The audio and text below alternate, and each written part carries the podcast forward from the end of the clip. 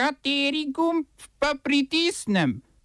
Tisti, na katerem piše OF.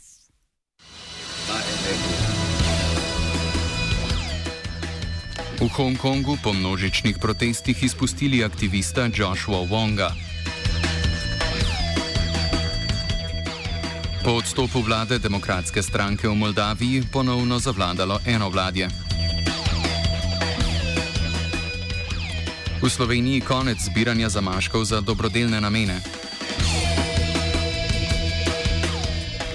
V kulturnih novicah pa festival migranskega filma in premjera države v slovenskem mladinskem gledališču.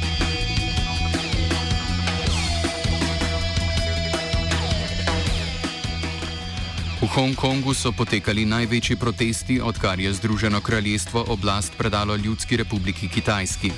Na ulicah se je zbralo približno 2 milijona ljudi, ki so Carrie Lam, izvršno predsednico uprave Hongkonga, pozvali k odstopu. Ta je v soboto sicer sporočila, da je vlada za nedoločen čas zamrznila predlog zakona o izročanju obtožencev Kitajski, a protestniki zahtevajo njegov dokončni umik.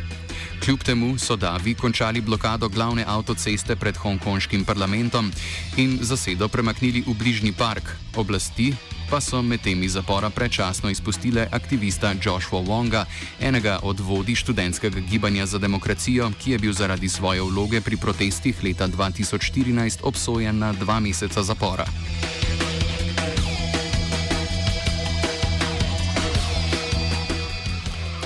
Podpredsednik Demokratske stranke Moldavije Vladimir Čebotari je sporočil, da bo dosedanja prehodna vlada, ki jo vodi omenjena stranka, odstopila.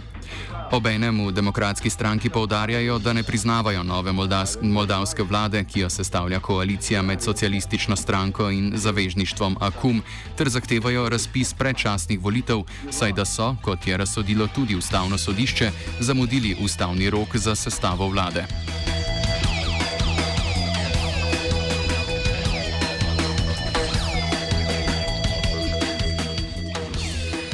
Štokholmski inštitut za mirovne raziskave, znan pod kratico SIPRI, v letnem poročilu ugotavlja, da na vkljub zmanjševanju števila jedrskih konic države še naprej posodabljajo svoje jedrsko orožje. SIPRI v poročilu navaja, da je devet držav z jedrskim orožjem, to so Združene države Amerike, Rusija, Velika Britanija, Francija, Kitajska, Indija, Pakistan, Izrael in Severna Koreja, v začetku leta posedovalo 13.865 kosov orožja te vrste, pri čemer so v to število vključene tako tiste jedrske konice, ki so nameščene, kot tiste, ki čakajo na uničenje. Zmanjševanje števila jedrskih konic, teh je letos za okoli 600 manj kot lani, gre pripisati predvsem sporazumu START, ki so ga leta 2010 med seboj sklenile Rusija in Združene države Amerike.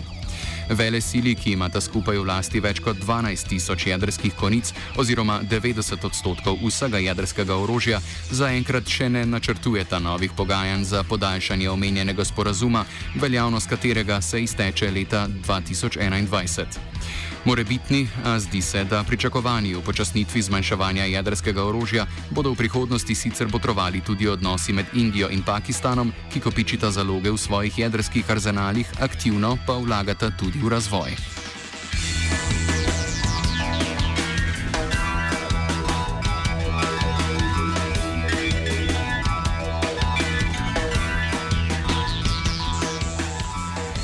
Indija pa ni dejavna le na orožarsko-jedrskem področju, temveč tudi na gospodarsko-trgovinskem. Tako so z nedeljo v veljavo stopile 70-odstotne carine na 28 ameriških proizvodov, med drugim na mandlje, orehe, jabolka in hruške. Uvedba dajatev je indijski odgovor na odločitev Združenih držav Amerike, ki Indije niso izuzele seznama držav z višjimi carinami na ovoz jekla in aluminija, s čimer bo ponovem obdavčenega za 5,6 milijarde dolarjev izvoznih produktov, prej oproščenih pravila davščin. Nesoglasja med ZDA in Indijo so sicer vidna že nekaj časa. Predsednik ZDA Donald Trump Indiji žuga z uvedbo sankcij, če bo ta nafto kupovala od Irana in uresničila načrte za nakup ruskega protiletalskega raketnega sistema S-400. Priložnost za zbliževanje stališč bodo predstavniki obeh držav sicer imeli na prihajajočem vrhu članic skupine G20 na Japonskem, kjer se bosta srečala zunanja ministra obeh držav Subramanyam Jai Shankar in Mike Pompeo.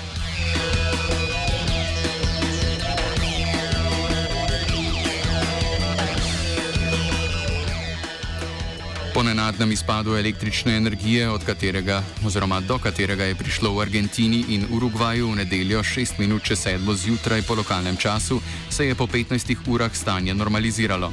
Vzrok za električni mrk, ki je v temi pustil 47 milijonov ljudi, prizadel pa tudi dele Brazilije, Paragvaja in Čila, je zaenkrat še neznan. Bil pa naj bi povezan z okvaro pri prenosu električne energije z hidroelektrarne Jasitera oziroma Jasireta na meji med Argentino in Paragvajem. V nedeljo so v Argentini sicer potekale lokalne volitve, a so jih morali zaradi neprilike v večjem delu države prestaviti.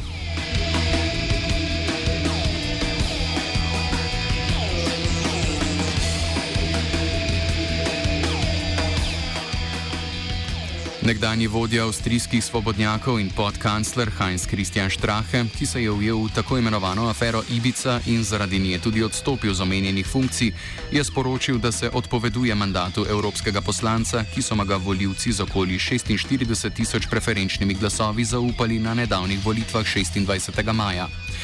Dodal je, da se bo boril za svojo politično rehabilitacijo in obenem zavrnil očitke, da se je poslanskemu stolčku v Bruslju odpovedal v zameno za to, da so svobodnjaki na kandidatno listo za predčasne parlamentarne volitve na Dunaju na tretje mesto uvrstili njegovo ženo Filipo Štrahe. Če bom odgovoril na angliški. Slovenija bo poskušala pomagati. Slovenija bo naredila naš utmost, da bo rekla, da je situacija naš problem, ourselves. In da bomo naredili nadaljnje korake, as soon as the conditions are. Bomo vlado Marjana Cererja, Marjana Cererja Šarca podprli. Zelo, zelo resno. News from Slovenija. We know how and we will.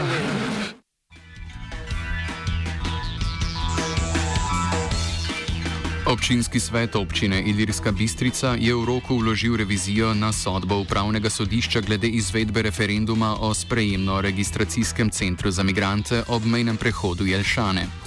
To je namreč odpravilo oba sklepna občinskega.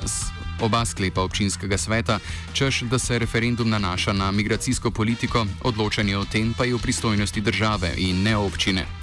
Občina je na sodbo upravnega sodišča na vrhovno na to vložila predlog za revizijo, to pa je dopustilo revizijo. Vrhovno sodišče bo moralo sedaj presojati o vprašanju, ali so bile s prepovedjo referenduma občanom Idirske bistrice kršene z ustavo zagotovljene volivne pravice.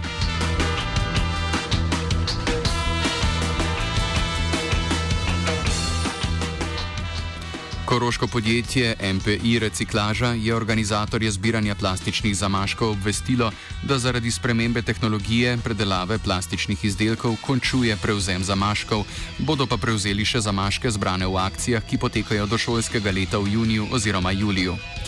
Od leta 2007 so nekaj manj, predelali nekaj manj kot 3400 ton zamaškov in skupno donirali skoraj 950 tisoč evrov.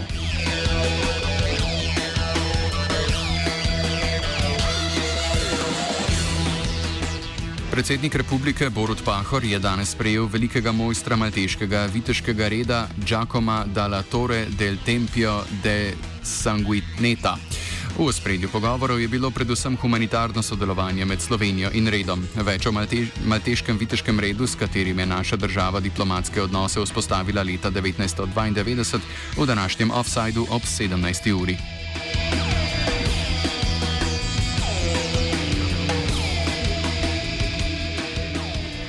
OF je pripravil žiga, sledijo kulturne novice.